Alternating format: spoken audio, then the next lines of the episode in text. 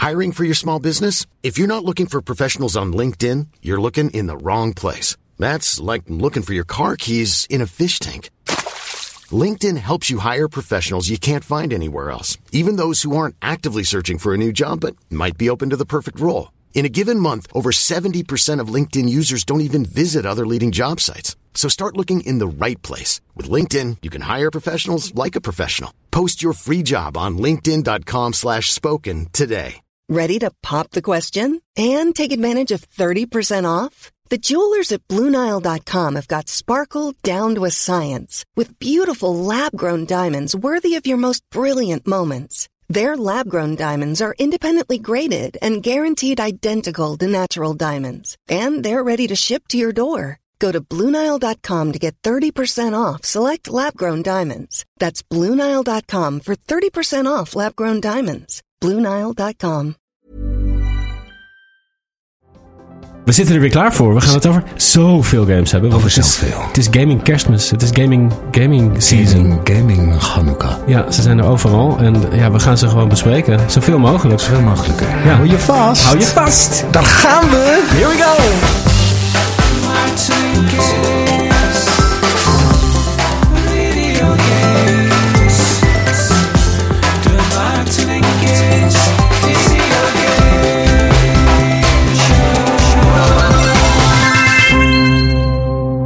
Ja, lieve luisteraars, daar zijn we weer. Ja, zijn we weer. Yes, ik ben Kees Groenteman. Mijn naam is Maarten Heijman. En wij gaan over videogames praten. Yes. Eh, ik zet jou iets harder, Maarten. Oh, seconde. Ja, dat hoor ik graag. zo. Hard. Ja, daar ben je. Daar ben ik. Ja, Hallo. eh, hoe is het? Ja, goed. Warm. Ja, goed en warm. Goed warm. We zitten hier in mijn mini home studiootje. Eh, het is nu al goed te doen. Het is, het is heel goed te doen. Ja, zeker. Het is hier cool. Ja, Ja, en wij, wij zijn ook zo cool dat we echt de, de temperatuur ook nog gewoon 5 graden Oh. omlaag brengen. Met onze God. coolness. we zijn Sorry, zo cool. ik ga weer. Ja. Ehm, laten we beginnen met de socials. We hebben wat leuke berichtjes gehad. ja, zo leuk. Hartverwarmend. Onder andere eh, eh, Lianne. Lianne heeft, eh, heeft ons in aflevering 2 eh, eh, een vraag gebracht over de Xbox 360. Daar hebben we toen uitgebreid over gehad. Mhm. En ze heeft haar eerste Xbox 360 game gekocht naast de drie games volgens mij die ze al had. En dat is GTA eh, 4 geworden. oh, die heeft ze bij, bij Sex gekocht, bij de Sex shop. Bij, de, bij de CEX, hè? Precies, ja. Don't get any ideas. Nee, wij zijn PG, eh, wat is het, 13? 13. Nee, 8. Ik Eight. weet het niet. Maar goede keuze en eh, bedankt voor, eh, voor het op de hoogte brengen van dit. En wat vond ze ervan? Ja, ze, heeft, ik, ze stuurde dus een foto dat ze hem in de hand had. Ik zag, haar, ik zag een, een, een, een hand met nagellak erop. En in die hand zat de game met een sticker van CAX.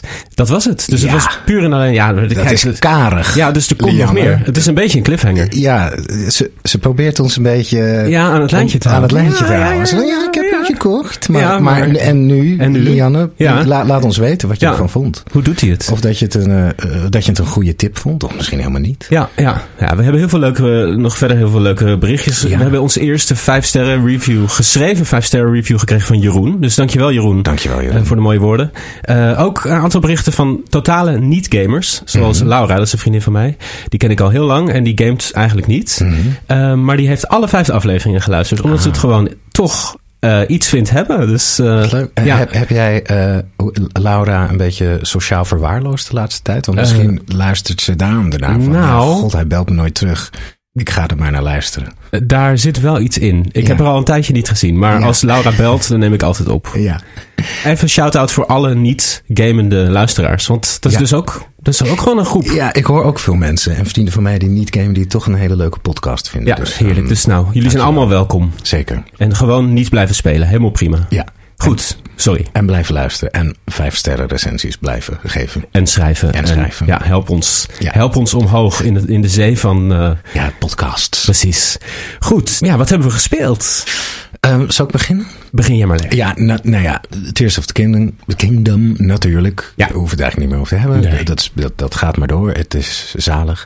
Ehm, ik heb afgelopen week nog eh, eh, twee games gespeeld eh, die ik al, heel veel heb gespeeld in mijn leven. Ik, was, ik ben met een project bezig nu. Daar had ik een beetje stress van. En toen kwam ik thuis. Toen, wilde ik, en toen zat ik al onderweg naar huis helemaal te fantaseren. Oh, ik ga weer Slay the Spire en Hades installeren. Ik ga het, ik ga het weer doen. En ik heb een hele uh, haat-liefde geschiedenis met die twee games. Ik vind ze fantastisch, laat ik dat vooropstellen. Slay the Spire en Hades. Maar zeer verslavend. En, en ik kan als zo'n game mij heeft, dan, dan ben ik echt een junk. Dan ben ik echt een junk. Dan speel ik het uren per dag. En voor de mensen die, die de games kennen, die weten hoe verslavend ze zijn, hoe goed ze zijn ook. En dat de game loop zo, zo je in zijn macht heeft. Dat um, ik was echt gewoon een uh, heroïne junk met die games ongeveer een jaar geleden. Oké. Okay. En toen heb ik ze um, nou, Hades kon ik gewoon niet meer spelen. Ik had alles geunlocked. En Slay the Spire ook zo'n beetje. Niet ja, want helemaal. ik ken Slay the Hades ken ik, ken ik goed. Die heb ik ook, nou ja, niet 100% uitgespeeld. Maar heb ik heel veel gespeeld. Ja, je hebt het echt een, gehaald, zeg ja, maar. Ja, ja. Uh, dat is echt een roguelike. Dus uh, echt uh, action-based combat. En heel ja. echt geweldige game. Geweldige art. Ja, als je het niet kent, zoek even een paar plaatjes op. Want het ziet er geweldig uit. Ja, de muziek geweldig. Een van, de, van mijn favoriete games ja, aller tijden. Same. En heel goed geschreven. Je bent de zoon van van, de god van de onderwereld. Ja. En uh, je hebt eigenlijk een soort huisarrest. En je moet je door de onderwereld vechten om eruit te komen. En uh, je, je familie, dus alle goden van Olympus, die willen jou eigenlijk een beetje helpen. Dus onderweg krijg je uh, boons, zoals het heet van hun. En dat geeft je extra kracht op verschillende niveaus. Ja. Soms, nou ja, goed, dat, dat gaat alle kanten op. En die, die verschillende krachten die werken ook samen. Dus Ja. daardoor krijg je elke run is weer een unieke ervaring. Ja, Zowel- ja, en- oneindige combinaties. En ook heel Ja. leuk voor de nerds die Griekse mythologie zo gaaf vinden. Precies. Want het is, het is zo dramatisch en het wordt... Het is echt een nieuw verhaal in de oude mythologie.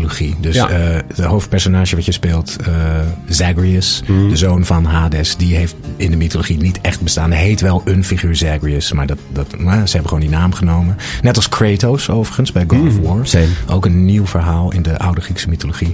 En ehm, het gaat heel erg over familie. En alle goden van Olympus, dat zijn dus relatives van je, ooms, tantes. En die, en die helpen je dan met allerlei krachten. Zeus helpt je met bliksemkrachten. Afrodite met eh, ja, een soort de liefdeskrachten die ze je geeft. Het zijn een soort verdovingen. Ja. ehm, waardoor En iedereen wordt. is botergeil.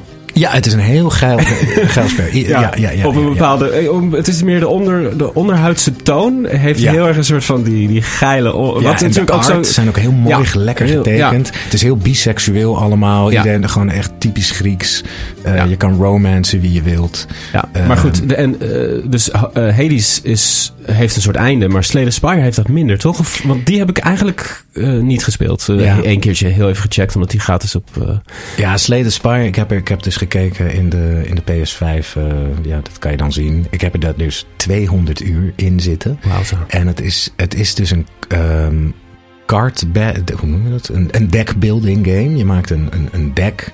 En met die kaarten moet je het einde halen. En het is ontzettend moeilijk. Je moet ontzettend goed nadenken. Het is eigenlijk meer een puzzelgame. Je moet ontzettend met cijfertjes rekenen. Maar dat, dat vind ik een hele lekkere ja, gameplay loop. Dat je constant, constant moet nadenken. Het gevaar ligt constant op de loer. Je kan elke ronde in één keer dood zijn. En er is ook een oneindige combinatie van kaarten die je hebt. Echt een heel goed spel, maar, maar echt te verslavend voor mij. En ik had op een gegeven moment dacht ik, ik moet dit afsluiten, dit hoofdstuk in mijn leven van Slay the Spire. Want het neemt gewoon mijn hele leven over. Dus toen had ik zelf een soort einde bedacht eraan. Van als ik dit nu kan, kan doen, Ja. dan hoef ik het nooit meer te spelen. En dat was voor mij, dat was namelijk een trophy die je kon winnen. Eh, finish the game met een deck van vijf kaarten of minder. Oké, en normaal gesproken heb je.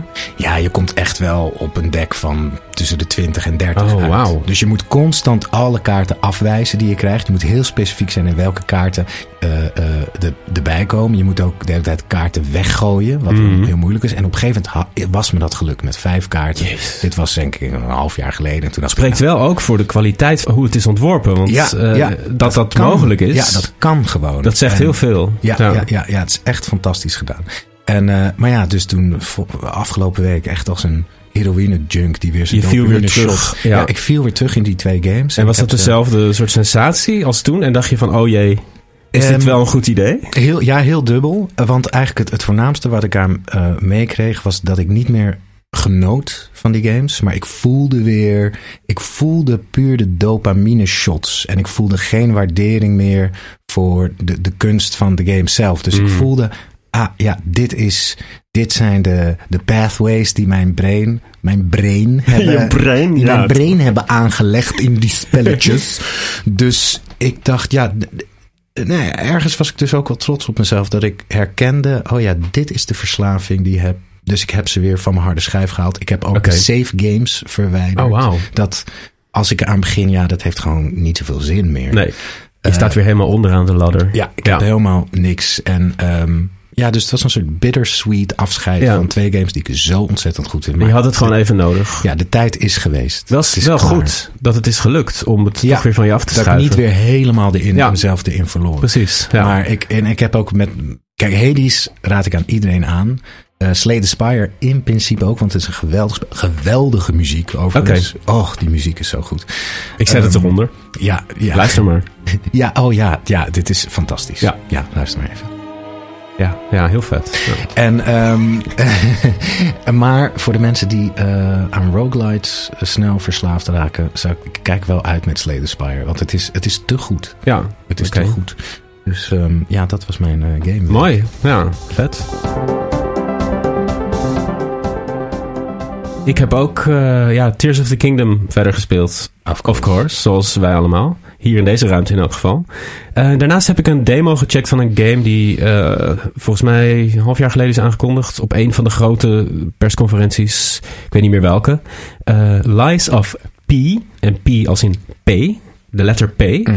Ehm, en het is echt een, eh, echt een Souls-like. Dus eh, Dark Souls-achtig. Lijkt eigenlijk het meest nog op Bloodborne. Oh, die ja. Eh, En je, je hoofdkarakter is een soort Timothy Chalamet. Of, Chalamet? Chalamet, sorry. Shyamalan. Eh, het lijkt een beetje op, zeg maar, alsof iemand in de Elden Ring character creator heel goed Timothy Chalamet heeft, heeft nagemaakt. Oh ja. Maar dan is hij ook Pinocchio. En heeft hij ook een arm van staal Oké. waarmee hij speciale tricks kan doen. Het is dus typische Souls-like. Dus de camera hangt achter je. Je hebt een heavy attack en een light attack. Je hebt een dodge roll. Eh, je hebt het eh, bekende systeem waarbij je, eh, zeg maar in Dark Souls zijn dat bonfires. Ik noem ze altijd nog steeds bonfires. Ja, ja, dat zijn ze. Het zijn een soort checkpoints eigenlijk. Als je, dus je, je gaat door een wereld, je verslaat vijanden. Daarvoor krijg je bepaalde punten. En die punten kan je inwisselen voor level upgrades. Dus als je bijvoorbeeld duizend punten hebt, dan kan je eh, ervoor zorgen dat je meer health krijgt. Of dat je attack meer damage doet. Nou, dat is dit ook. Alleen het ding is met die eh, bonfires dat je als je doodgaat, eh, je, dan laat je je punten achter waar je doodgaat. En dan word je weer wakker bij de laatste bonfire waar je hebt gerust. En dan moet je teruggaan naar die plek waar je bent doodgegaan. Je punten weer verzamelen. Als je onderweg naar die punten doodgaat, dan ben je ze kwijt. Hmm. Dus dat is een enorme eh, ja, eh, onderdeel van dit soort games. Eh, maar de artstyle is super gaaf. Het is een soort van Victoriaans, nou ja, wat ik al zei, Bloodborne. Maar dan heel erg met automatons. Dus alle vijanden zijn een soort op hol geslagen robots. Het is een beetje steampunk Heel erg steampunk. Ja. of heel erg. Het is een soort Victoriaanse steampunk. Of steampunk is meestal Victoriaans. Maar het is inderdaad. En het is zo'n stad die helemaal in puin ligt. Allemaal vuur. En, en allemaal eh, eh, omgevallen gebouwen. En hekken die dicht zitten. En eh, eh, shortcuts die je openmaakt. En ik Ja. heb nu tot de eerste bos gehaald. En eh, ik ben echt heel, heel erg into it. Dus Vet, ja. ook een lekkere tegenhanger voor, voor Tears of the Kingdom. Omdat het toch een totaal andere benadering is. Ja. Dus, wel third person. En er zit combat in, weet je wel. Maar verder is er eigenlijk weinig overlap. Eh, 19 september komt de game uit. Wat ik ook heel tof vind, is de, de design van de enemies. Want je hebt bijvoorbeeld een soort politie-robotmannetjes. Dat zijn de, ze lijken dus echt weggelopen uit zo'n soort circus. Met van die automatisch bewegende, mechanisch bewegende poppen. Beetje die Blade Runner, eh, weet je wel? Ja, maar dan nog crappier. Dan nog, een- nog meer echt een soort kapotter. freaky, freaky circus met van tinnen mannetjes bijna. Maar Ja, dan iets ja. mooier. En van, van hele gladde gezichten met grote neuzen. Ja. Eh, en, en je hebt een soort van Bobby-achtige figuren. Dus, eh, Britse politiemannen die met een stopbordje slaan. Je hebt een soort butlers die met een kandelaar slaan. En je hebt honden. Ja, het is heel goed gedaan. Er zit een, soort, zit een soort comedy ook in wat die games vaak hebben. Dat Ja. vind ik ook weer goed. Bijvoorbeeld de loading screen is zijn hoofd van de zijkant en dan wordt zijn neus steeds langer. Dat, dat vind ik gewoon al Oh. zo'n game, zo'n soort duistere game, echt eh, geweldig. Dus ehm, ja, ik ben eh, heel benieuwd als hij uitkomt in september eh, wat de volledige game is. Ik ben nu bij de eerste boss. Dat is meteen al een kleine spike. Zo grappig bij dit soort games. Dan kom je bij de eerste boss. Of sowieso bij boss fights in dit soort games heb ik heel vaak dat ik het eerste keer super goed doe. Ja, Mm. dat, dat ik echt meer dan de helft van zijn health eh, weghaal. En dan daarna ben ik meteen helemaal alles je- kwijt. dan en dan, nadenken. dan begint de, de echte strijd. Ja, ja. Eerst Eh, zit je nog op intuïtie en dan gaat het best lang goed. En dan ga je nadenken, hoe moet ik het doen? En Ja. ja. ja, dat is een heel ding hoe je die bosses... Ik, ik heb een tactiek die ik eigenlijk nooit toepas. Maar eigenlijk is dat wel de beste tactiek voor boss fights. De eerste twee, drie keer probeer je hem niet te verslaan. Probeer ik hem niet te raken, alleen maar ontwijken. Ja. Dus ik ga gewoon op de ontwijkmodus. En kijken hoe lang ik in leven kan blijven. Zonder één hit te plegen. En dan, als je dat twee, drie keer doet. Dan heb je een feel voor als eh, mechanics en movements. En dan ga je, en dan versla je hem vaak. snel. Ja, precies. Dan zie je de patronen. Dan zie je, Ja. oh, nu gaat hij deze doen. Dan moet ik naar rechts. Ja, ah, en nu je gaat moet hij deze eh, doen. van je angst af. Want die Ja. bazen zijn zo vaak heel, heel dreigend. En het geluid en de soundtrack. Terwijl het is Ja. gewoon een systeempje wat je moet tackelen. Absoluut. Maar ja, dan ga ik toch de tweede keer rammen, weet je wel. Ja, ja want je komt jezelf, je, je gretigheid komt Ja. altijd omhoog. Ja, En- dat is toch altijd don't be greedy. Ja, don't dat be is greedy. Ja, ja. ja, ja. ja. Maar ik hou echt heel erg van het genre. En dit is weer, eh, ja, dit is een tof. Het is gewoon echt een volwaardig genre. Al, al een tijdje. Maar dit Ja, is weer een nieuw. Knap is dat, hè? Dat, Ja. dat je gewoon een nieuw genre maakt. Ja, Ja, ongelooflijk. dat, die Souls mechanic is zo goed. Wat is het meeste aantal Souls wat je ooit bent verloren? Oh man, ja. Ik ben best wel een, een scheidluis. Dus, Dus je, je wisselt de hele tijd in. ik ben heel erg van, oké, ik, ik heb er nu... Ja, kijk, als je later, echt, als je echt endgame Elden Ring... Dan, Ja. dan is het ook dat je denkt, nou ja... Die levels zijn zo... Weet je, je hebt er zoveel nodig. En op een gegeven moment heb je ook gewoon je, je beeld. En dan is het wel oké. Dan heb je het gevoel, oké, ik ben sterk genoeg. Ik moet het, het gaat puur om mijn skills. Ja, dan... eh, Ik, durf geen aantal te noemen, maar echt heel veel. Ja, maar dan in, in dat stadium denk je ook van, nou ja, swa. Maar zeg maar toen ik Dark Souls voor het eerst speelde, heb ik wel echt ja, levels, levels verloren. Oh man, ik heb echt bij Bloodborne een keer een miljoen, volgens mij. Maar ik ben juist dat ik niet zo snel inwissel. Ja, want dat is weer die, het, het randje opzoeken. Ja. Dat, en dat ik daar oh, met, honderd, met honderdduizend, Ja. een half miljoen souls rondloop. En Ja. dan vind ik het ook lekker als ik dan bij die bonfire, dat je dan een paar leveltjes, Ja. je, bam, bam, Dat is dan bam. echt een tractatie. Oeh, dat is echt een tractatie. Ja, heerlijk. Ik had trouwens ook nog een leuk eh, berichtje van iemand gekregen, Oh. persoonlijk, op Instagram. Een eh, jongen die ik eh, ken, waar ik ooit een podcast mee op, heb opgenomen jaren geleden. En die zei van ja, ik, ik, ik gamede eigenlijk helemaal niet meer. Maar ik was zo enthousiast door jullie gepraat over Zelda geworden. Dat ik, ik ging even kijken naar de Switch van mijn kinderen. Die bleek hem dus al jaren te hebben. Dus, en nu was hij maar aan het spelen, Breath of the Wild. En hij is helemaal addicted aan. Wat goed. Ja, vind ik heel leuk dat hij dus al jarenlang zijn kinderen dat zag spelen. En dacht, nou ja, het zal wel een game met elfjes en Ja. eh, whatever. En dat hij er nu helemaal into is. Wat goed. Heel ja. leuk.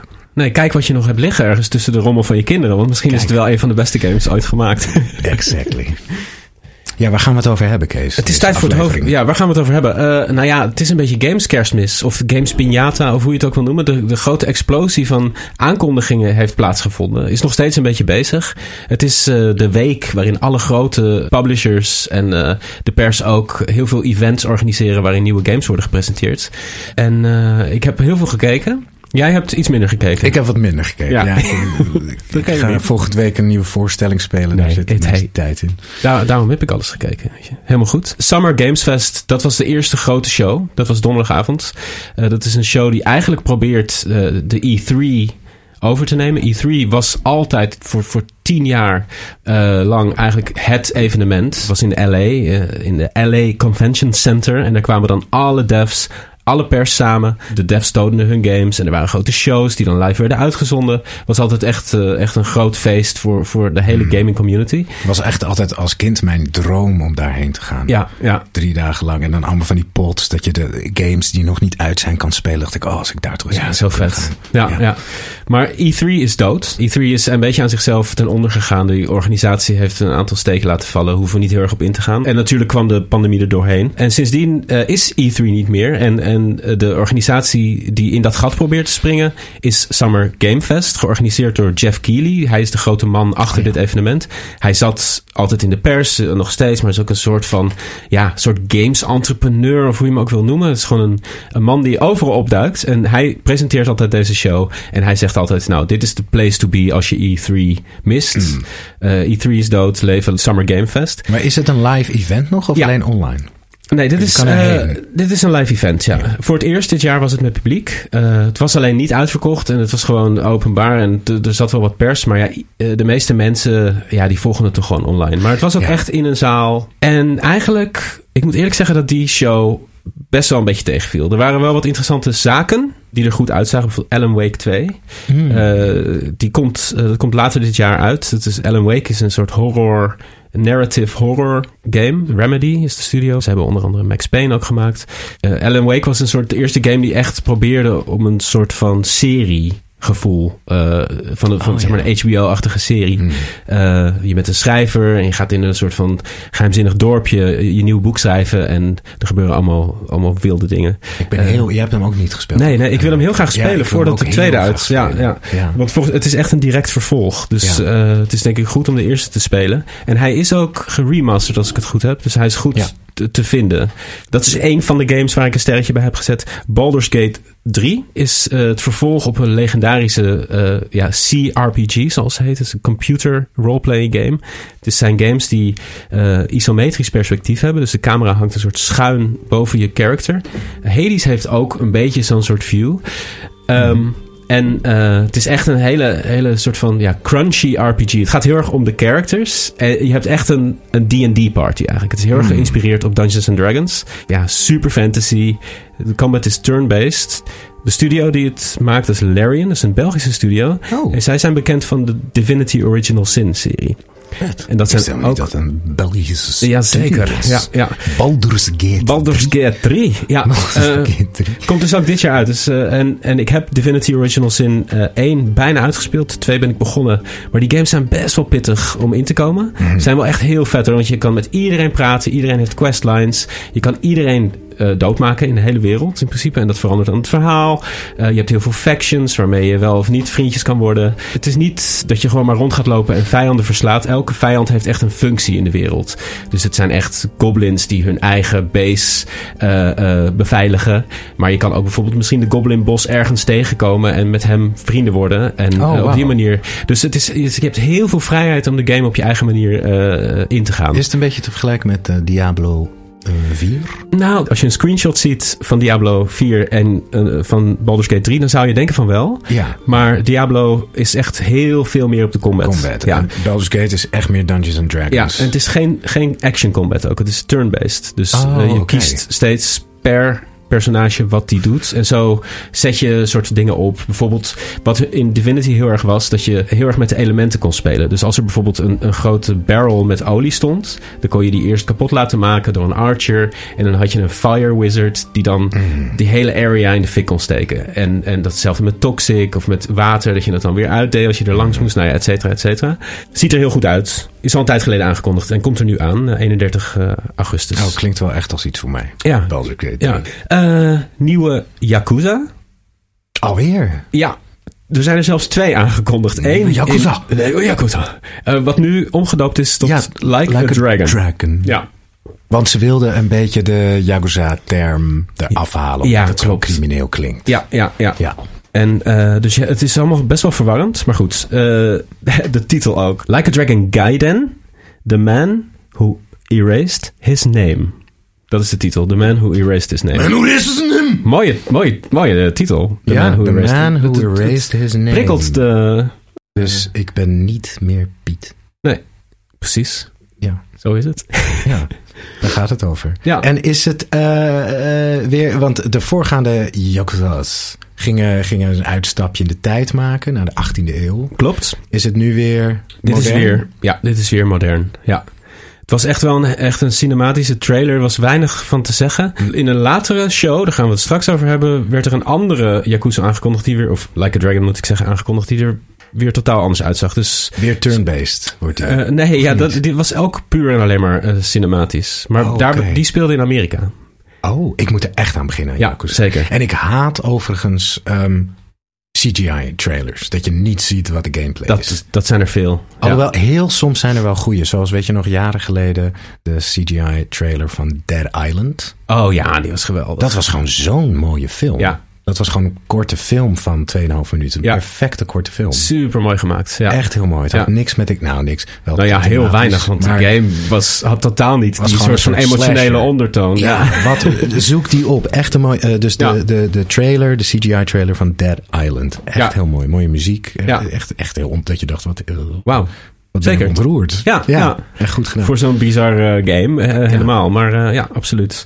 Ja, en dan heb ik, ja, als laatste was het de show stopper, letterlijk, van Summer Game Fest. Was Final Fantasy VII Rebirth. Dus het vervolg op remake. Heb jij Final Fantasy VII Remake gespeeld? No. Nee, de Ehm, enige Final Fantasy die ik heb gespeeld is Ah, 10. Is ook zo. That's ja. it.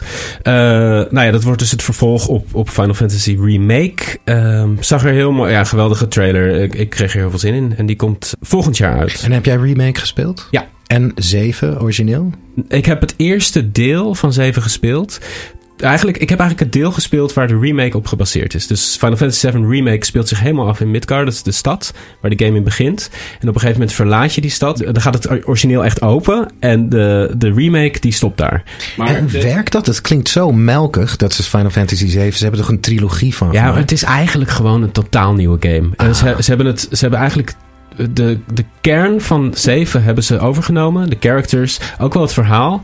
Maar ze hebben, er, ze hebben alles uitgesponnen. En het is. Het is ik, ze, hebben niet, ze hebben zich er niet makkelijk van afgemaakt. Juist niet eigenlijk. Het was makkelijker geweest om, Ja, om een- nieuw verhaal. Want hier, mensen hebben natuurlijk waanzinnige herinneringen aan Final Fantasy 7. Dus om die game zo opnieuw eh, te- eh, op te bouwen van nul. Mhm. eh, en een 60, 60 uur durende epic van te maken van een drie uur durende sectie uit de eerste game. Dat is eigenlijk wat ze hebben gedaan. Is best wel bizar eigenlijk. Dus eh, ik ben alleen, ja, nu weet ik niet echt waar het naartoe gaat. Want ik heb eh 7 niet verder gespeeld dan waar de remake ophoudt. Oh, is maar zeggen. lekker. Ja, Dat is fijn. ja. Maar eh, ik heb wel heel veel zin om, om, om daar weer in te duiken. Na Summer Game Fest was of the Devs. En dat is een meer een indie-focused showcase. Georganiseerd door Double Fine Productions. Studio achter onder andere Psychonauts en Brutal Legend. Brutal Legend, yes. Brutal Legend. Ehm, en eh, ja, dat was meteen een heel andere sfeer. Want eh, bijvoorbeeld een van de eerste trailers van Summer Games Fest was eh, Mortal Kombat 1. De nieuwe Mhm. Mortal Kombat. Met heel veel van die nasty fatalities. Ze waren echt zo van, Mm. kijk, dit vinden de gamers leuk. Ja, ja, Weet je wel, darmen en, en, en spines. Die in de dat lucht. Nou, ik, nee, het doet me echt helemaal niks. Ik vind het ook niet per se niet leuk, maar... Oh, mij, Het- mij doet het wel wat. Ja? Ja, Ja. Ik, ik weet nog dat de Mortal Kombat... Het was voornamelijk, zeg maar 9 was de reboot in 2009 of zo. En toen kwam Mortal Kombat 10. Dat zag er grafisch, dat was voor de nieuwe generatie. Mhm. Die fatalities vind ik wel fascinerend hoor. Ja. Vind ik echt gruwelijk. En, Ja, en ook dat er zo'n zo'n zo'n oude conservatief in mij opkomt die denkt, nou maar dit kunnen kinderen tegenwoordig toch niet spelen. Ja. Dit is toch, maar er zit een soort comedy in. Ja. En ik heb Het ook gaat wel- heel erg over de top. Dat is het gaat zo over de top, maar het, is, het, het voelt weer voor mij een beetje. ehm, ik, ik, ik kreeg hetzelfde gevoel dat als ik kind was en een horrorfilm zag. Dat vond ik zo heftig Ja. vroeger. Als iemand dan kapot wordt geslagen. En ik heb wel eens met vrienden gespeeld, een leuk spelletje. Als je een beetje dronken bent of high zit eh, naar Mhm. YouTube te kijken.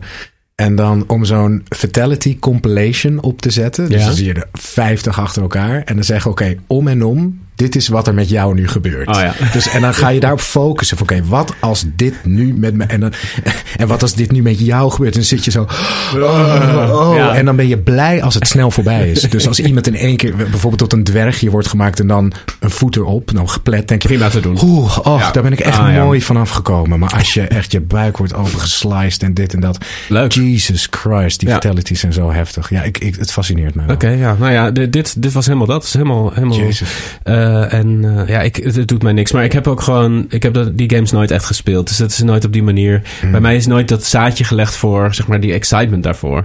Oh ja. Eh, dus Ja. ik denk dat het daarmee te maken heeft. Ik begrijp ook de, wel de... ja, dat het doet toch iets met je. En dat is wel lekker. Ja, en ook dat een fatality was ook best wel moeilijk om uit te voeren. Je, moet, je Ja. moest hem weten. En als je in de arcade een fatality bij iemand doet op de camping in Frankrijk. Ultieme Dan uh, om- roast. Toen Ja. voelde ik me op mijn dertienjarige gewoon echt een koning tegenover dat kind van Ja. elf. Was je ook. Dat Duitse kind naast hem.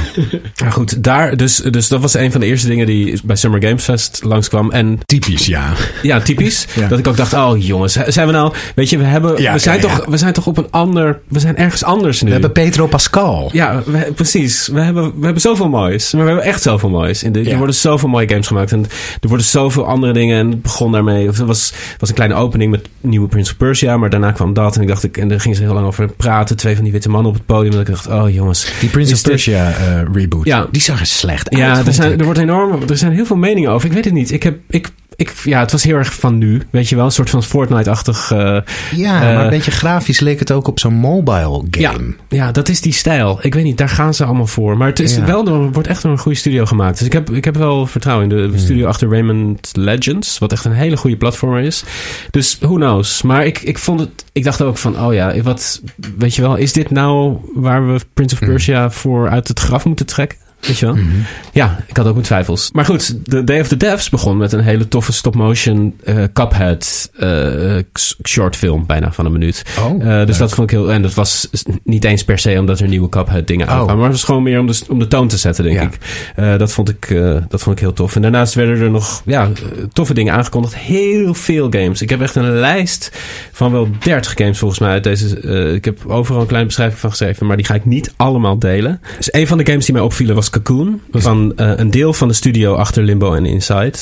Eh, en zag er super... Ja, echt een pure puzzelgame.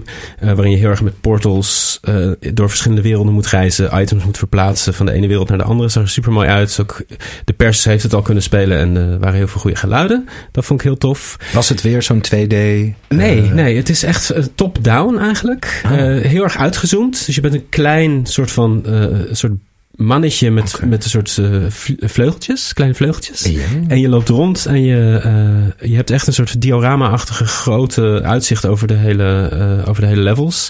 En je hebt dus portals waarin je door verschillende werelden reist. En het zag er, ja, het is, was een game die denk ik niet zo heel goed overkomt op, op trailers. Omdat het heel erg gaat om soort uitvogelen van puzzels en Mm. de omgeving verkennen. En daar heeft het meestal wat meer tijd voor nodig. Die is er natuurlijk in zo'n showcase niet. Maar eh, ja, zag er goed uit. Hyperlight Breaker zag er heel tof uit. Dat is van de makers van Hyperlight Drifter. Dat is ook een 2D eh roguelite. Maar dan is dit nu 3D. Eh, Ik hou er altijd wel van als, als ouder, een soort ouderwetse feel is dat. Als een, als een studio een 2D-game Mm. heeft gemaakt en dan komt het vervolg en dat is dan 3D. Dat is, Ja. eh, vind ik wel een mooi ouderwets gevoel. Weet je Dat wel? is heel erg jaren 90. Ja, ja, dat je denkt, oh wauw, ze hebben nu Zelda, maar dan 3D. In 3D. Oh, ja, echt. En je, je ziet gewoon echt, je kijkt in de wereld en niet ja, tegen de zijkant. Ja. Dat ik- doe ik overigens wel eens bij eh, Zelda. Dan, dan speel ik het eerst een paar minuutjes alsof het een 2,5D game is. Oh ja. Snap je nou wat ik bedoel? Ja, Dus dan loop ik, Dus dan zet ik de camera naar de zijkant Ja. en dan loop ik van link, eh, met link van links naar rechts, alsof het een level is. Oh ja. En dan loop ik zo en dan, zeg, nou, zoals vroeger games waren, maar wow, dit is een platformer waarbij de graphics 3D zijn. Precies. En dan denk je altijd als kind van, maar wat nou als ik naar die berg kan? En Ja. dan draai ik de camera naar achter. Oeh. En dan, en dan komt die droom in één klap uit. Ja, ja, dan herbeleef ik een soort droom. Het, ja. Ehm, Hellskate vond ik er tof uitzien. Het was een soort Tony Hawk Pro Skater met RPG-elementen en combat. Eh, ik hou heel erg van Tony Hawk eh, Pro Ik Skater. ook, ik ook. Eh, Dit was dus die, eh, ga- de, de, de, de Days of Deaths. Ja, Day of the Devs. De day, de days, de, de, de, de, Day of the Devs. The Day of the Death.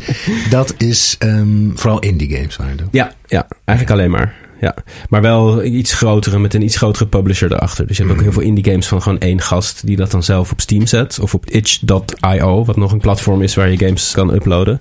Maar dit zijn wel allemaal games die echt een publisher achter zich hebben. Die een beetje PR hebben en een beetje support. Ehm, en dan was er nog de Devolver Digital Showcase. Dat waren maar vier games waar ik er even eentje van wil uitlichten. Eh, Baby Steps. Dat is een nieuwe game van onder andere Bennett Foddy. En hij heeft, ik weet niet of je die kent, eh Quop gemaakt. Nee. Eh, QWOP. Eh, dat is een oude browser game. Je ziet het van de zijkant. Je bent een soort atleet in een stadion. Hele simpele graphics. Echt een soort flash graphics. En het is, het is een hele onhandige game. Want je moet elk been per knop besturen, maar dan heel erg direct. Dus het is heel moeilijk om te leren lopen.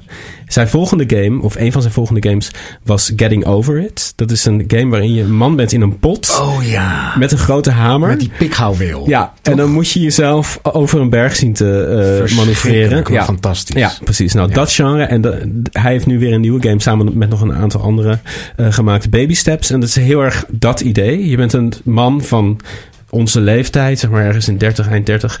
Een beetje gezette man, onverzorgd in een hele grote pyjama. En je wordt gewoon in een soort grot wakker.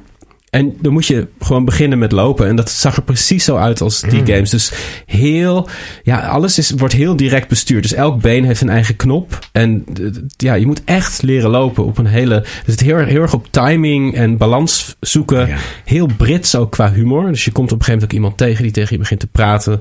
eh, ergens op een berg. En het is een soort eh, ja, Brits platteland vibe. Heel bizar. Maar het zag er ook wel heel vet uit. Heel filosofisch klinkt het. Je wordt wakker Ja. in een donkere grot. Een beetje Ja. Plato-achtig. Precies. Was het ja. Plato? Baby steps. Baby steps en alles opnieuw Ja. leren. Precies. Ja, Ja. ik hou er wel heel erg van, van die physics in Ja. games, als dat goed is. Ja, ja. Was er nog een show, de Future Games Show. Oh mijn god. Ja, het houdt niet op. Jezus. Ehm, Lords of the Fallen is een, ook een soort Souls-like, maar dan westers. eh, ziet er ook super vet uit. Ook, het grappige is, de eerste game heette Lords of the Fallen. En het vervolg heet The Lords of the Fallen. Handig, Ah. dus ben- nu, nu gaan we even heel specifiek op Ja. die lords in. ja, de precies. lords. Niet gewoon Lords. Niet gewoon lords. Nee, niet random lords. gewoon een nee, joh. Random lord. Is het Roderick. The Lords. Nu is het die Ja, Vincent. nou ja, is een slechte grap. ja. Maar maar hey. dit, die Lords of the Fallen. Ja. Het is ook alsof ze aan een soort, alsof aan een soort amnesia eh, lijden. Dat het maakt niet meer uit, die titels Nee. of iets. Eh, nee, de nieuwe Tomb Raider heet gewoon Tomb Raider. Tomb Raider. En Mortal doe niet zo- Kombat 1. Doe niet zo moeilijk. Ja. Weet je wel? Het is gewoon, het is gewoon de nieuwe iPad. Het is gewoon dat, ja. dat ja, is het een beetje. dat is het. Het is Ja. de, de nieuwe. Het is de nieuwe. mhm. Lords Ja. of the Fallen. Ja, ik heb dat nooit zo gespeeld, omdat ik, niet. dan dacht, ja, maar het is toch niet zo goed als Dark Mm. Souls. Dus waarom zou ik? Dat dacht ik ook. Maar het zag, er, het zag er wel interessant uit. Het zag er goed uit. Angard zag er heel vet uit. Een soort swashbuckling eh, action-adventure. Vet. De vrouwelijke lead. eh, heel Brits ook. Eh, die vibe kreeg je in elk geval heel humoristisch. Een beetje Monkey Island vibes. Laika Aged Through Blood. Dat is een 2D motorcycle Metroidvania.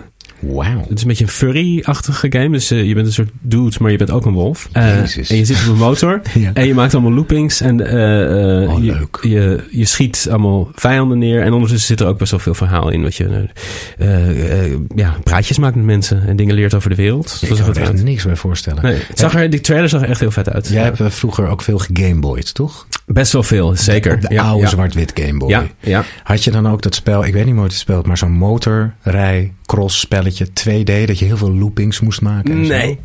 Die heb ik nooit gespeeld. Nee, helaas. Nou, dat is meteen denk ik een erg Ja. leuk spel. Loopings zijn altijd leuk. Reka heb ik ook nog even opgeschreven. Eureka? Eh, Re- Eureka, maar dan zonder de eh Reka. Yes. Ehm, ja, dat is een soort. Hanna zei Baba Yaga. Eh, dat is een soort van eh, Russisch folklore. Waarbij je een huis hebt op hele grote poten. Wat een soort van duister eh, vibe. Ja? In een donker bos. En dan heb je een, een soort van cabin. En die staat op hele grote poten. En die loopt dan door het bos. Dat is een soort mythologisch Russisch ding. Ja, De Baba Yaga, zo heet toch ook John Wick in John Wick? Dat weet ik niet. Je hebt nooit gezien. Dat Nee. is hij, hij is een huurmoordenaar in John. Wick. En dan is zijn bijnaam de Baba Yaga. Oké. Ja, misschien ook niet hoor. Misschien lijkt het hier gewoon op. En dan zeg Misschien hebben, we- misschien hebben we een beroerte allebei. Deze huurmoordenaar is een lopend huis. Ja, in? Rusland. Ja. Ja, dat doet me aan denken. De Maar, Baba eh, dat maar het is iets engs. Ja, ja, maar jij bent, jij, jij beheert dit huis. Nou ja, ik weet niet of het iets engs is, want dit is jouw huis. En je, je craft allerlei dingen. Je maakt kamers en je bouwt tafels. En het zag er heel mooi uit. Je kan helemaal aankleden en dan ga je rondlopen met dat huis. Heel veel sfeer. De trailer was heel kort, eh, maar het zag er wel goed uit. Nog eentje, dat is de laatste die ik even wil noemen. Eh, Stray Gods. Eh, dat is een, een, ja, een role-playing musical noemen ze het. Het is met de, met de cast van, van Critical Role. Of veel mensen uit de Critical Role cast. Dat is een eh, D&D podcast. De populairste ter wereld. Oh ja. Heel veel hele goede voice actors. En het is een soort van graphic novel. Maar heel veel van het verhaal wordt verteld in, in liedjes. En jij kan bepalen op sommige punten in die liedjes welke tekst er wordt gezongen. En dat verandert dan de, de, ver- het verloop van het, van het verhaal. Dat zag er heel goed vet. uit. De graphics waren heel simpel. Heel, eh, bijna geen animatie. Een soort van one frame per two seconds. Dus een soort van ja, comic-achtige vibe. Maar zag er heel tof uit. En dat komt ook al, even kijken, dit jaar uit. Ik weet niet meer precies, maar volgens mij deze zomer al. Ja, dat was het eigenlijk voor de, uh, voor de shows. Poepoe, dat waren een hoop games. Maar we hebben het nog niet eens over Xbox gehad. Xbox. Meid, vertel even over Xbox nog. Ja, sorry hoor mensen. Het is veel. Het is veel. Ja, het is veel maar, warm. Moeten, ja. maar er was dus ook nog een, een Xbox showcase. Ja. Oh, die was gisteren. Die was gisteravond. Met Starfield. Met een hele grote Starfield showing. Laten we er even snel doorheen. Uh, laten we het vooral even over Starfield hebben. Ja. Uh, heb je, jij hebt Skyrim gespeeld? Ik heb Skyrim gespeeld. Ik heb een tien uur van Fallout 3 gespeeld. Uh, en verder uh, ja, moet je me even inlichten over het fenomeen Starfield? Ja, nou, Starfield is een game die, ze, die Bethesda, dus de, de ontwikkelaar, eigenlijk al 20 jaar wil maken. Die staat al 20 jaar op hun to-do-list eigenlijk. Uh, maar ze zeggen altijd, ja, de technologie is er nog niet om deze game te maken. Nou, nu was de technologie er wel. En eh, de laatste game die zij hebben gemaakt is Fallout 76. Dat was eigenlijk een soort spin-off van Fallout 4, maar dan online. Dat is al lang geleden. Dus Fallout 4 is al heel lang uit. En ze zijn hier al super lang aan het werk. En Fallout 76 is ook niet een echt vervolg. Het wordt een soort, toch een beetje een B-studio eigenlijk onderhouden. Dus ook nog steeds in de lucht. Het is echt een online multiplayer game ja, Starfield is eigenlijk hun uh, versie van Fallout in space. Dus je maakt je character, je geeft die character vorm, hoe die eruit ziet, kan je die helemaal vormgeven, maar ook wat voor gevechtstijl die heeft, maar ook wat voor achtergrond die heeft. Dat speelt dan heel erg een rol in de conversaties die je hebt in het spel, wat voor religie die volgt. Nou, dat is heel diep hierin. Dus je character, je bent echt aan het roleplayen, je bent echt een bepaald persoon op een bepaalde plek in de wereld met een achtergrond. Mm. En wat een soort van de catchphrase is van Starfield, is dat het een game is met meer dan duizend planeten. Waar je allemaal naartoe kan gaan. Met, een echt met allemaal levende zonnestelsels. Een beetje à la uh, no, Man's Sky. Sky. Ja. Maar dan uh, veel meer op het verhaal gebaseerd. Dus er zijn heel veel planeten die ook puur en alleen voor resources zijn. Ja. Maar daar weten ze toch uh, bepaalde plekken te genereren waar je dan verhalen tegenkomt. Dus characters die stranded zijn of verlaten bases of al dat soort dingen. En zijn die, ik weet niet of dat al bekend is, maar zijn die planeten dan ook echt real-time?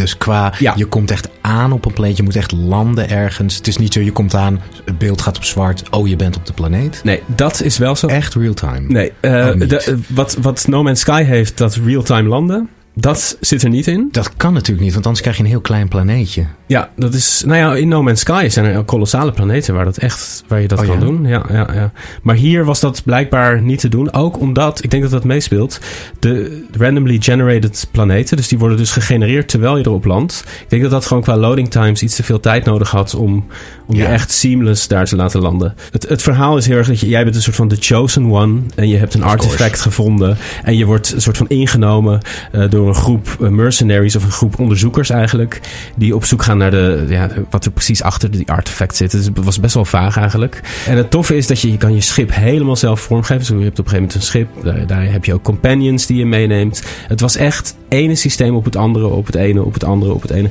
Een enorme sandwich van, van systemen op elkaar, wat die games altijd wel zijn. Maar dit was echt next level. Hij komt dit jaar uit, exclusief voor eh, Xbox en, en PC. En ik heb er wel echt heel veel zin in. Het was de enige game waarvan ik echt dacht, oh yeah, ik kan echt niet wachten.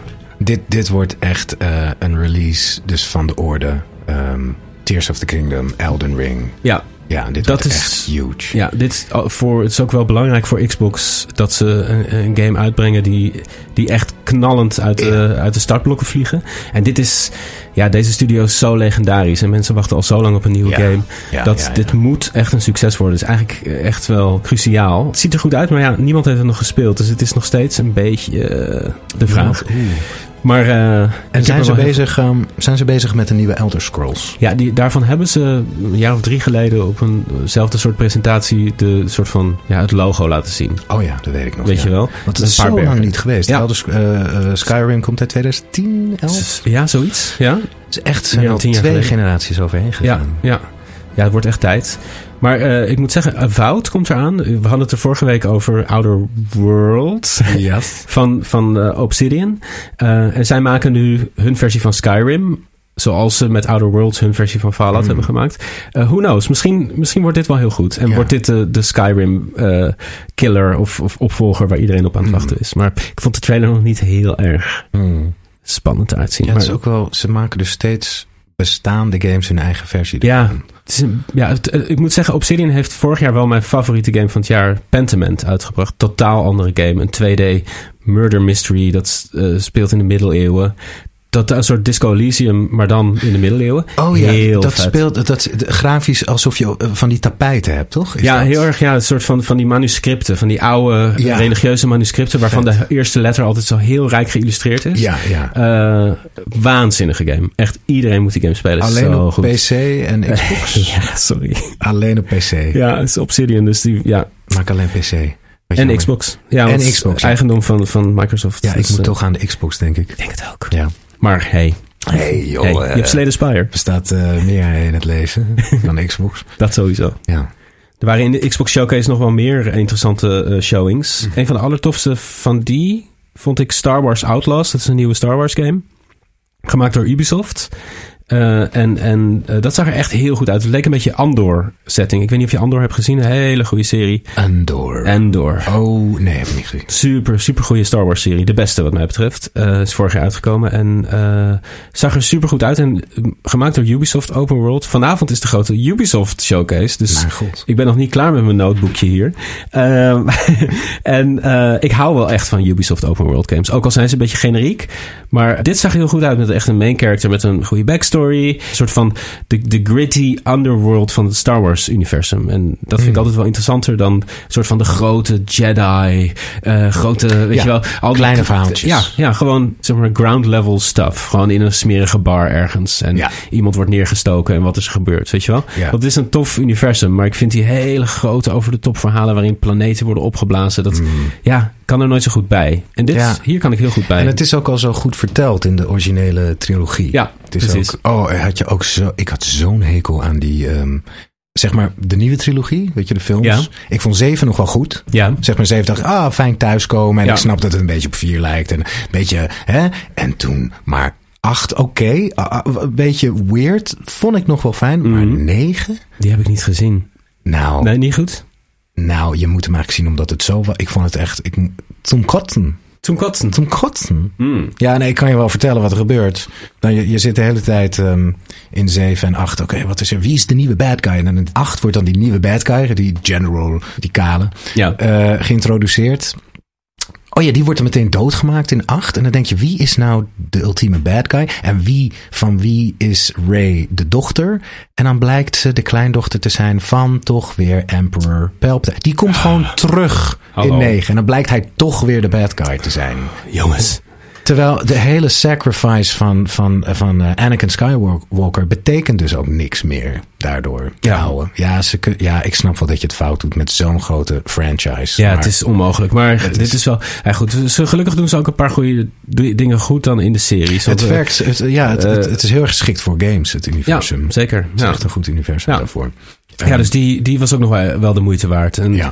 ja, veel, verder veel CGI-trailers, eigenlijk bijna alleen maar. eh, voor games die volgend jaar uitkomen. Dus ja, eh, maar al met al, om, om even, toch even een strikte omheen te doen om deze, om deze enorme warrige berg games die ik net heb zitten eh, monologen. Ik vind toch, en ik wil niet hier een Xbox soort van spokesman worden, maar dat begint er wel een beetje op te lijken. Ik vond toch echt Xbox Showcase de beste van, van alles wat ik heb gezien. Hmm. Maar ze, ze moeten ook wel, toch? Ze moeten. Ze hebben iets in te halen. ja, zeker. Ja, het ziet er goed uit. En sowieso veel games die volgend jaar uitkomen, maar 2023 zit al echt super vol met, met goede games. Dus ik vind het prima.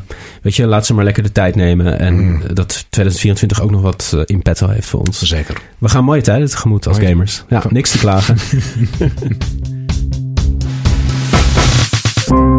Ik heb nog wel een vraagje aan je. Ja. Eh, ehm, namelijk, ik heb een paar dagen geleden zat ik gewoon weer in zo'n YouTube-hole ja. te kijken. En toen kwam ik gegeven op Assassin's Creed Odyssey terecht. Ja. Toen ging ik gewoon gameplay-clipjes kijken. Ik heb nog nooit Mhm. gezien. Eh, jij hebt hem gespeeld, toch? Ja. Heb je hem uitgespeeld ook? Bijna. Bijna. En ik vond wat ik zag toch wel heel vet eigenlijk. Ja. Wat ik heel vet vond was dat je die twee personages had waar je tussen kon kiezen. Ja. En dan ook dat je ging dezelfde scènes kijken met de twee personages. Ik vond die vrouw veel, Veel beter. Ja. Veel betere eh, eh, vo- voicing. En ook leuker bij de hand er.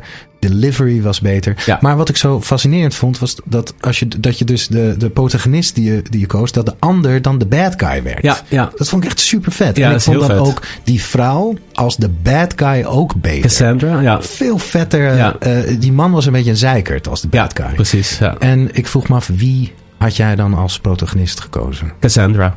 Ja, dus Ja. dan had je een beetje die zeikert als Ja. antagonist. Ja, precies. Ik kies eigenlijk altijd female. Ook als ik zelf een, een character mag maken, doe ik altijd female character maken. Omdat Dat je zo'n perverseling bent. Ik, kijk gewoon veel liever naar vrouwen Ja, dan naar mannen. dat- ja, ja. Nee, maar ik weet niet. Het helpt me op een of andere manier om verder van mezelf. Want als ik mezelf ga maken, dan denk ik, ja, dat ben ik niet. Ja, En dat wat lijkt doe ik daar? Weet je? En daarom vind ik het eigenlijk lekker om, om iets verder van mezelf af te staan. Maar wel een mens. Ik vind het ook moeilijk om een, om een in Skyrim of zo, zo'n katmens of een, of een eh, weet je wel, een weird gast. Dat, vind ik, dat gaat me net te ver. Maar weet je, eh, om net iets verder van mezelf af te staan, vind ik het wel lekker om een female eh, character te maken. Dat doe ik eigenlijk altijd. Oh ja, ja. Ja, er zijn mensen die echt zweren bij Odyssey. Er zijn mensen die zweren bij Origins, in de eerste in de nieuwe serie. Mhm. De laatste Valhalla heb ik wel uitgespeeld.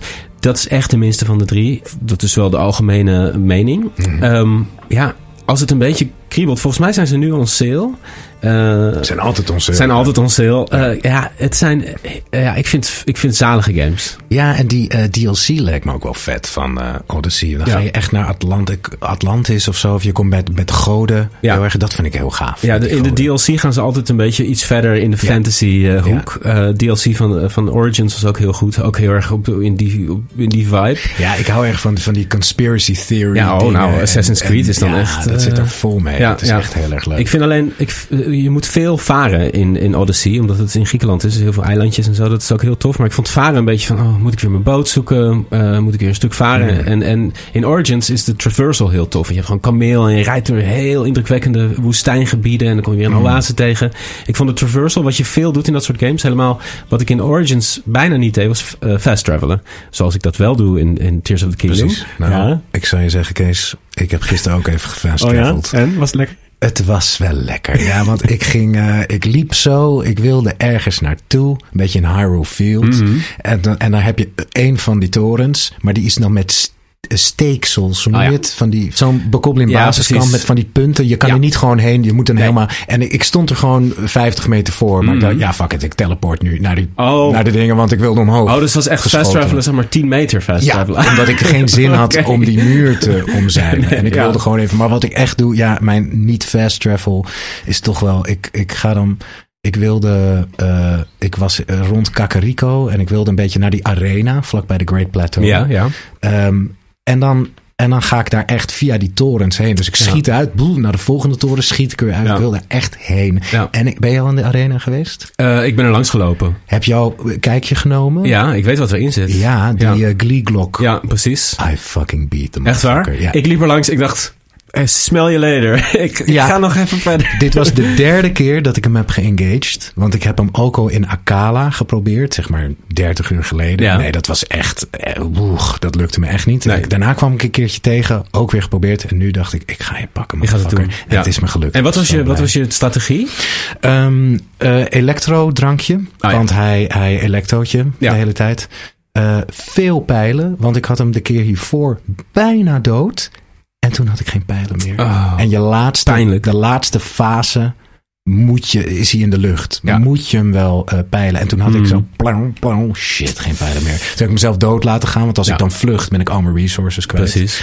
Dus eh, ja, mijn strategie was, neem een elektrodrankje. Ik had ook zo'n anti-elektro eh, rubberen eh, eh, borstplaat aan. Ja, en dan Ja. gewoon een beetje, beetje slim spelen. beetje spelen. Ja, ja. Hebben we toch stiekem nog even Tears of the Kingdom. Oh. sorry mensen. Ja.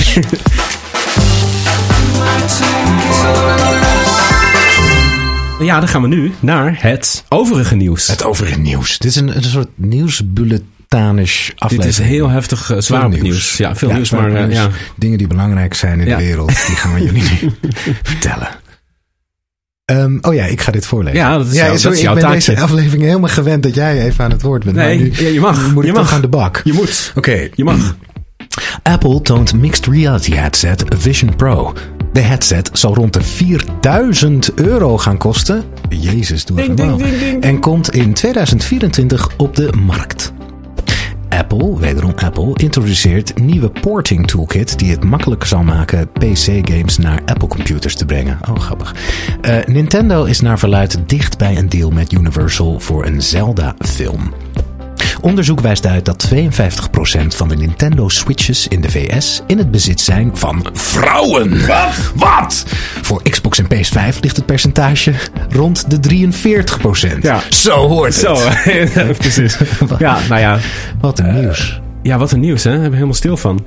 Uh, ja, Apple Ja. met Vision Pro. Nou ja, goed. Het is uh, whatever, een beetje. We zullen het allemaal wel zien. Ja, maar, Maar- 4000 Ja. euro toont wel aan dat, dat ze dit heel serieus nemen. Ja, of niet. Ik bedoel, het is niet... Als je het heel serieus neemt, wil je zoveel mogelijk mensen dat ding laten kopen. Maar dit is natuurlijk een enorme... Ja, ze zien het misschien echt als zo'n... Als je ook zo'n hele dure Apple computer koopt. Ja. Toch als je s- special effects maakt. Ja, zo, dan ben je ook echt duizenden Ja, euro's kwijt. Misschien is het...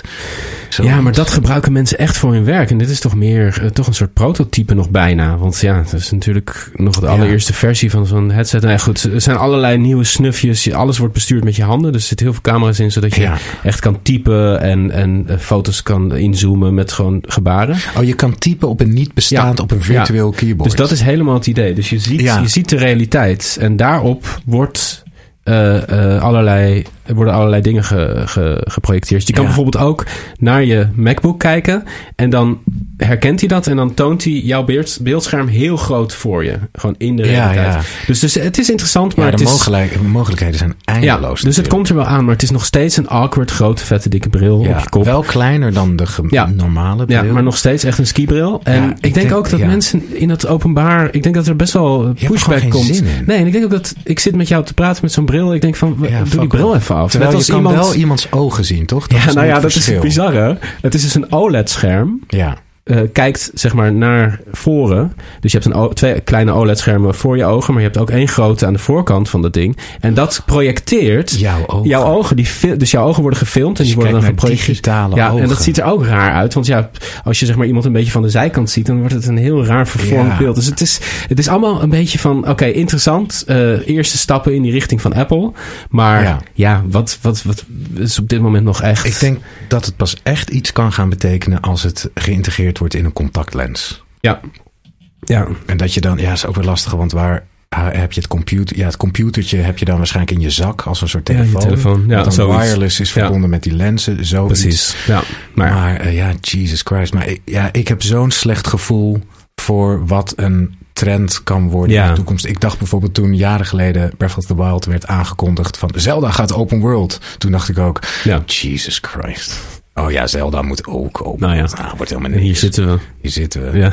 Jezus. Ja. Nou, Apple maakt het makkelijker om PC-games naar. Dat schij- schijnt. eh, sorry. Apple maakt het ja, Ja. makkelijker om PC-games te porten naar, eh, naar hun computers. Dat is heel goed. Maar schijnt ook heel goed te werken. een- Ja, ja, een het soort- is gewoon een soort adapter Een eigenlijk. beetje Letterlijk, zoiets, ja, een soort, eh, ja, een soort, een soort layer eroverheen, waardoor die games begrijpen wat voor hardware het is. Dat het is leuk. Ja, eh, dus en dat is ook, ja, ik denk, het heeft best wel impact. Want er zijn heel veel mensen die natuurlijk Apple computers hebben en Heb best het, willen eh, gamen, maar dat kun- niet echt doen. Heb je het filmpje van Whoopi Goldberg gezien? over Ik heb het gehoord, 4? ja. Ja. het is heel leuk. Ik heb ze gewoon op Twitter gezet van... Yo, ik speel eh, Diablo al mijn hele leven. Vind Ja. ik s- sowieso grappig dat Whoopi Ja, Goldberg Whoopi. al mijn hele leven Diablo speelt. Mhm. En nu is Diablo 4 voor het eerst niet op de Mac. Ja. Dus zij ge- geeft een, ja, een, een, een plea van Come Blizzard. on, ja. Breng hem uit op de Ja, Mac. ja, heel grappig. Nou, misschien is dit de eerste stap in die richting voor Ja. Whoopi. Eh, Nintendo is bezig met Zelda-film. Tuurlijk. Ja, tuurlijk. Ja, Eh, een beetje zorgwekkend. Want ja, wat. Kijk, die Mario-film. Mario leent zich prima voor een soort quirky eh, eh, kinderfilm. Zelda heeft, heeft toch iets meer gewicht. En is iets ingewikkelder. Hij heeft, is iets minder een soort van plug and play in zo'n soort format, denk ik. Ja, Eh, hoe ga je dat? Ik eh, kan me er niks bij voorstellen. Dus ja, we zullen het wel zien. Maar ja, het, het geld kruipt waar het niet gaan kan. Ja. Eh, en Nintendo denkt, oké, dit kunnen wij dus doen. En mensen vinden het leuk, dus eh, eh, let's go. Maar ja, Het kan eigenlijk twee kanten op gaan, denk ik. Of, of je een beetje de veilige kant zou zijn dat ze de Koroks een hele grote rol geven. Dat Ah, het een ja. soort cutesy... soort minions. Soort ja. minions-achtig ding wordt. Maar wat me eigenlijk wel heel grappig lijkt, want Zelda heeft toch ook altijd die, die air van bloedserieusheid over Ja. zich heen ergens. Ja, zeker. Als het gewoon een zwaar donker Ja. drama wordt. Ja, Een heel duister drama. ja, ja. Maar dat gaat Bring on. niet. Nee. Het zal ergens ertussenin zitten waarschijnlijk. En een soort van, ja, goed. Voor het grote publiek. Goed, ja, wie houdt ze tegen, hè? Eh, onderzoek wijst uit dat eh, ja, er toch heel veel vrouwen zijn die games spelen. Gek, hè? Jezus. Ja, ongelooflijk. Vrouwen, wat zijn Ja, vrouwen? ja, dat zijn over het algemeen ja, blijkbaar toch mensen die wel games spelen. Wauw. En 52% Maar Ja. dit, eh 52% van In- de switches die zijn ja. verkocht, zijn, ja, zijn in bezit, dus die zijn door vrouwen eh, eh, gekocht. Ja, Ja, nou dat is equality, 50-50. ja precies. Ehm, en dat is, maar jij zei daar is backlash over. Nou ja, er zijn heel veel gamers die dan roepen... Ja, maar als ik Call of Duty speel en ik ben in de lobby... dan hoor ik nooit een vrouw. Weet je wel? Dat soort... Nee, maar ja, dat ja, is, ja. ik hoor nooit... Weet je wel? En, en dat, is, het is, dat is letterlijk Nou, wat, heel veel mensen zeggen. Ja, nee, ja. Ja. meer, ja. Eh, Ehm, dus nou ja, goed, het is, het is ook heel... Wij kijken ook... Als wij onze luistercijfers bekijken... is ook 50-50.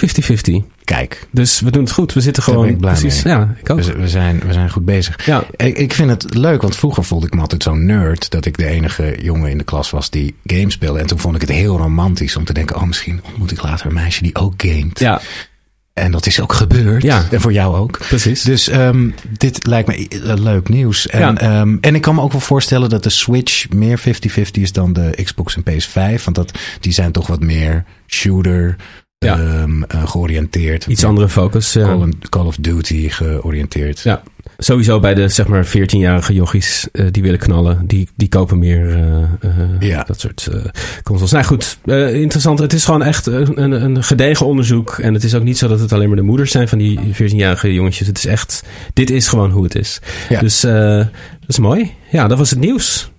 Los van de nieuws. 100.000 games waar we het net al over hadden, Ja. hadden was er nog meer nieuws. Nog meer nieuws. Ja, dan gaan we afsluiten, maar niet voordat we een belangrijke poll-uitslag bekijken. Maar ja, en zet je dan nu even ook dat hele mooie eh, Disco Elysium muziekje in? Zeker. Prachtig nummer. Is Disco Elysium een point-and-click adventure? De uitslag. Op nummer 1 met 43%. Wat is een Dixo Elysium? Op nummer 2 met 23%. Moet ik nog spelen? Get to the fucking point. ja. Op nummer 1 nee. Nee. Met 7 votes tegen ja 5 votes. Ja, Dus dit het is- is een klein verschil. Het is natuurlijk... Ja, ehm, maar ja, Maar, eh, en jij vindt ook dat het geen Nee, is? Ik Nee. wel, maar dat, dat is het toch in essentie. Nou ja, in mijn- je in je mijn- klikt ergens op en je loopt er naartoe. ja, maar dat is Diablo ook. Eh, dat zijn heel veel games. Eh, toch? Is dat... Oh, Ja. ik dacht dat je met Da- Diablo 2 wel met het stickje rondloopt. Nou ja, als je het op de PC speelt, dan heb je gewoon een muis en dan klik je en, dan loop je daar oh, naartoe. Oké. Maar wat definieert voor jou een, een point-and-click adventure? Eh, ja, dat is. Ik, ik vind het makkelijk om te zeggen wat Disco Elysium geen point-and-click maakt. Dat is eigenlijk. Voor mij is dat eh, bijvoorbeeld de stats die echt een grote rol spelen. Dat maakt het voor mij echt een RPG. Dus je, je Mhm. kiest echt, je bouwt je character. Dat is eigenlijk in point-and-click adventures nooit zo. Nee. Je hebt rolls, dus je hebt een soort van win of verlies eh, mogelijkheid. Eh, wat in point-and-click adventures is het vaak gewoon een puzzel en die moet je gewoon oplossen. En ja, het spel gaat altijd maar door. Je kan, er niet echt, je kan er niet echt in vast komen te zitten. Het is gewoon, het is veel meer eh, in dat opzicht een, eh, ja, toch een RPG. Ja, dus je denkt bij point-and-click in de oude stijl Sam en Max, Ja. eh Leisure Suit Larry, dat Ja. soort dingen. Ja, Die zijn Monkey heel Island. lineair. Ja. Monkey Island. Ja, dat vind ik echt, het, die, ja, dat vind ik echt het genre. Maar, Ja, dat is... het is een semantische discussie. Weet je, het gaat eigenlijk Ja. nergens over. Ja, ik dacht gewoon hoe ik het speelde. Ik, in het begin liep ik met point. hem rond. Ja. Maar dat was toch onhandig. Dus op een gegeven moment klikte ik gewoon. Ja, I pointed en I In clicked. dat opzicht is het dat absoluut is letterlijk wat point. ik deed. Ja, ja, ja. Ja, ehm, hoe dan ook, of het het nou is of niet. Het is, ehm, ik vind het wel een van de beste games die ik Ja. misschien ooit heb gespeeld. Ik ook geweldig. Ik heb Geweldig. nooit zoiets gespeeld. Waanzinnig mooi. Ja. Ja. En misschien is het ook leuk. Eh, Ken jij een beetje de achtergrond van de devs en zo? Jawel, nou ja. eh, vertel. Nou, wat ik zo ontzettend mooi aan vind aan het spel, is dat het eigenlijk is gemaakt door eh, non-game developers. Het, de, de, de man die erachter zit, ik weet niet hoe die heet, die heeft volgens mij ergens rond zijn twintigste een roman geschreven. Die roman, uh, is het Pools of Oekraïens? Of ja, Oost-Europees in elk geval. Of ja. zo, zoiets, Litouwens of zo.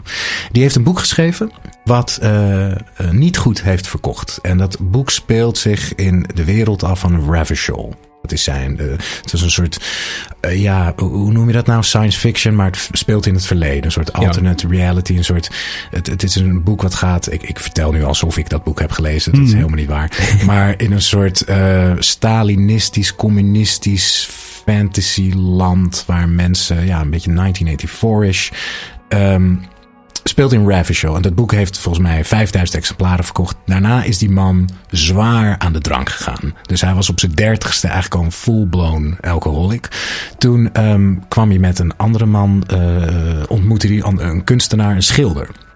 Die kwamen bij elkaar en die was, die was ook zwaar alcoholisch. Mm. En, en die kwamen toen op het, plan, op het idee van wij moeten, we moeten samen iets maken. Maar wat gaan we maken? En toen zei die schilder tegen hem van ja, maar jij hebt nog die, die hele wereld, die hele world gebouwd van Ravishol. En dat boek is tien jaar oud. Maar kunnen we niet daar iets mee doen? Want dat is een mooi boek. En toen bedachten ze gewoon, wat is het, um, het, het, het, nou, wat ik wil zeggen, het medium waarmee we een nieuw verhaal kunnen vertellen. En toen kwamen ze dus op een game, terwijl ze nog nooit een game hadden gemaakt. Toen hebben ze mensen om zich heen verzameld. Dat was, werd een soort kunstenaarscollectief mm. die ja, besloten, we gaan nu een game maken. En het is ook zo'n niet typische game qua, je wordt wakker. Alcoholisme speelt een zeer grote rol in. Je, je wordt als een zwaar alcoholist wakker in een hotelkamer die je niet kent.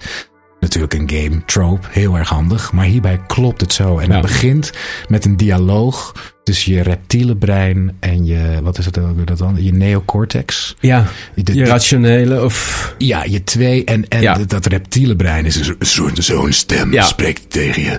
En dan je neocortex, die is helemaal, die, je, je hebt jezelf bijna doodgedronken. Dus die is helemaal uitgedroogd. Ja. En je hebt constant dialoog in je kop. Het is heel filosofisch. Het gaat over politiek. Over je kan kiezen dat je een, een, een, een communist wordt. Je kan kiezen dat je fascist wordt. En, en het, de dialogen zijn ongelooflijk. Er komen zoveel levensbeschouwingen tussendoor. Terwijl je dus tegen je alcoholisme battelt. Ja. Het is kan... ondertussen ook echt heel grappig. Zo goed geschreven. Zo, zo goed, grappig. En zo, zo zwartgallig. Ja. Ja, ja. Ja, ja, fantastisch. Heb je um, die. die um, um, uh, karaoke scène. Ja, die, daar verheugde ik me dus op, maar daar ben ik op de een of andere manier niet aan toegekomen. Ik weet, iedereen, dus voor iedereen is de game anders. Ja. Eigenlijk er zijn allerlei scènes, zoals een karaoke scène waarvan ik weet, want ik, er was een karaoke machine. Ik wist, daarmee kon je interacten, maar ik had niet de juiste tape.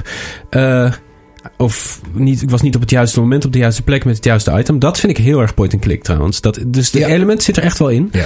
Ja. Uh, maar, en ik verheug me er heel erg op, maar het is niet gebeurd. En dat vond ik ook wel weer mooi. Dat, daar had ik veel over. Dat, dat galmde al een beetje karaoke. Weet je, en toen zag ik al, toen ik in het hotel meteen in de eerste scène beneden kwam, zag ik, oh, er is hier een, kara er is hier een podiumpje met een karaoke iets. Dus hier gaat het gebeuren. En toen gebeurde het niet. En dat maakte het ook juist wel weer heel uniek. Van oké, okay, mijn Harry of Harriet uh, heeft... Harry Dubois. Ja. Heet hij. ja hij heeft het, is echt, jongens, uh, ga dit spelen. Ja, het is gewoon het echt, is, een, echt een ongelooflijke Het is game. daarna een beetje alsof je tegen je vrienden zegt van... ik heb nu iets op HBO gezien. Ja, precies. Dit heeft me echt veranderd. Ja. En uh, ja, die karaoke. Heb ik jou die anekdote wel eens verteld over mijn karaoke scène? Nee, volgens mij niet. Het geweldigste moment. Ja, dit is een kleine spoiler als je het nog wil spelen. Maar misschien vergeet je het ook weer, dat maakt niet uit. Um, het is dus een spel wat met dice rolls werkt, à la Dungeons and Dragons. Dus je kan bijvoorbeeld je, je, als je iemand wil overhalen om iets te doen, dan kan je je charm verhogen. En als je bijvoorbeeld, uh, je wil iemand overhalen en stel je hebt een lage charm, dan heb je 30% kans. Dus als je uh, om, uh, boven de 8 rolt, ja, want je hebt twee dobbelstenen, samen 12. Boven de 8 rolt, dan heb je dus een derde kans. Ja, precies. Dan lukt het. Maar stel je voor, je hebt, je hebt een charm van 100% of, of 90%. Dan is het alles wat je boven de 2 rolt. Dan heb je een grote kans. En ik, ik kreeg door dat ik voor die karaoke, om die karaoke tot een goed eind te brengen. Je kan op een gegeven moment dus karaoke zingen in een bar. Terwijl je bent met een moordzaak bezig. Je bent alcoholist, maar je vraagt dan aan die barman. Eh, karaoke, ja. En die barman is eigenlijk een beetje afhoudend. Want Hmm. ja, die, je, Want je, ziet hebt die man je hebt al die toko al helemaal, helemaal van kort en klein Ja. geslagen. Dus je ziet die. Je hebt ook zo te doen met alle mensen die met jou te maken hebben. Want je bent een walgelijk personage die zijn hele leven verzuipt. Maar toch heb je een goed hart. En je ziet Ja. die barman al denken: ja, jij gaat hier niet karaoke zingen. Maar goed, en dan verzint hij een beetje smoesje. Ja, we hebben eigenlijk de band is ook. eh, We hebben geen banden meer, geen cassettes om het af te Ja. spelen. En de, ja, de installatie is ook stuk. Dus het kan eigenlijk niet. Maar als je dan voor elkaar krijgt om ergens in een hutje een band te vinden. Ja. En de goede, de goede audio equipment. Dan kan hij er niet meer onderuit. Ja, Ja. oh, oké, ga maar. En je hebt dus hoge, wat had je nou? Oh ja, een van je stats is theatraliteit. Ah, ja. Dus ik dacht, ik ga mijn theatraliteit oppompen. En wat ik daarbij deed, en daarvoor offerde ik weer andere dingen op. Daarvoor Ja. was ik vrij dom. Ja. En, ehm, en één ding wat je theatraliteit oppompt, is je kostuum. Dus ik had, een he ik had ergens een kimono gevonden. Ik had een, he ik had een roze glitterzonnebril op. Eh, ik liep gewoon in onderbroek rond op sandalen. Ik was een heel ex extravagant figuur. Dus ik liep daar in, in- met een cocktail in mijn hand. Met die kimono. En mijn, mijn theatrics stat was echt fucking 92%. Dus ik dacht, ik ga deze car ook nelen. Dus ik kwam daar op me, in mijn kimono met 92%. En de dice roll, ik gooide gewoon een 1. Dus ik had al die uren besteed aan, ik word echt een paradijsvogel. Ik ga daar zingen. En toen gebeurde er zoiets fantastisch, omdat ik dus de, de dice roll faalde. Mislukte de karaoke en zong ik het zo lelijk en vals. En dat werd een prachtige scène. Mhm. Ja. Een soort cry for help met een schala stem. Zoals het waarschijnlijk zou zijn gegaan met dit figuur. Want het is gewoon Ja. heel tragisch. Iemand die inderdaad Ja. ook een soort showbiz feeling of een disco. Hij vindt alles disco. Disco, kan je ook heel vaak opties om dingen van it's just disco of zo. Als iemand een heel dramatisch disco. Dus dat is heel mooi. En- want die tragiek, ja, dat is wat hij is. Het was de beste scène. En doordat het zo lelijk gezongen was, werd het zo ontroerend. Want de tekst was heel mooi. En dan Ja. na, na afloop was het ook zo'n... nou ja. Ja. Ieder en hij en, en, dan, en dan zegt je reptiele brein weer van je bent ge- gedaald in de sociale hiërarchie. Ja, precies. Iedereen vindt je kut. Ja. Oh, en daarna heb ik op YouTube gezien wat er gebeurt als je hem wel goed zingt. Dan zing je hem echt mooi. Maar dat was. Ja. eigenlijk minder interessant. Ja, precies. Want dan zingt hij gewoon mooi dat nummer. Falen is meestal toch interessanter. Dat is geweldig. Als een game kan incorporeren dat falen een interessante keuze is. Precies. Ja. Of misschien een, of een interessante uitkomst, misschien nog interessanter. Dat, vind, dat was ook leuk eigenlijk bij Assassin's Creed aan het begin. Dat vaak we kwamen van platformgames. Mario valt in, in Mhm. de afgrond dood. En bij Assassin's Creed, als het misgaat, je parcours, Ja. bam, sta je in één keer in de straat, Ja. midden in Florence. En iedereen Precies. denkt, what the fuck? Ja. En vind je maar weer een weg eruit. Ja, Dat is zeker. geweldig. Ja, ja, ja. Ja, vet. Ja, Disco Elysium. Disco Elysium gaat spelen. Ja, nou daarmee zijn we aan het eind van deze show. Het is toch weer een dikke vette show geworden. Godverdomme. Ja, eh, maar eh, eh, ja, we hebben het tot een einde gebracht. We hebben het tot een eind. Het is gelukt. We zijn er volgende week weer met een speciale aflevering. Want ik ga op vakantie, dus we moeten even een beetje opvullen. Maar dat wordt heel, heel, heel tof. Dat weet ik nu al. En dat wordt een persoonlijke aflevering Precies, over ons. Naar wie luisteren we nou eigenlijk? Ja, wie zijn die jongens en waar komen ze vandaan? Dat gaan we jullie uit de doeken doen volgende Yes, week. dat volgende week. Bedankt voor het luisteren. Tot volgende week. Bedankt voor het luisteren naar de Maarten en Kees Videogame Show met Maarten Heijmans en Kees Groenteman. Wij zijn als show en afzonderlijk te vinden op onder andere Instagram, Twitter en TikTok. Voel je vrij om de podcast overal te volgen en een mooi aantal sterren te geven. Daarmee help je ons enorm. Muziek en montage door Kees Groenteman. Artwork is van Hanna Gilhuli. Tot, de volgende show.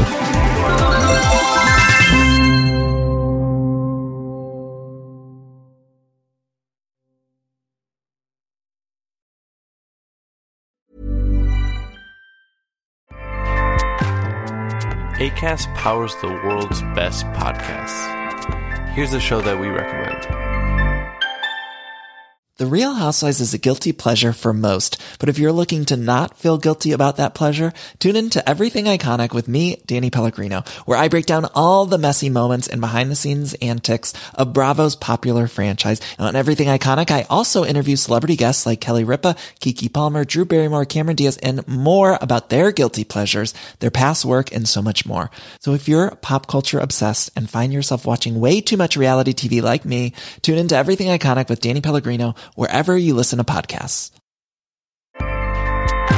ACAST helps creators launch, grow, and monetize their podcasts everywhere.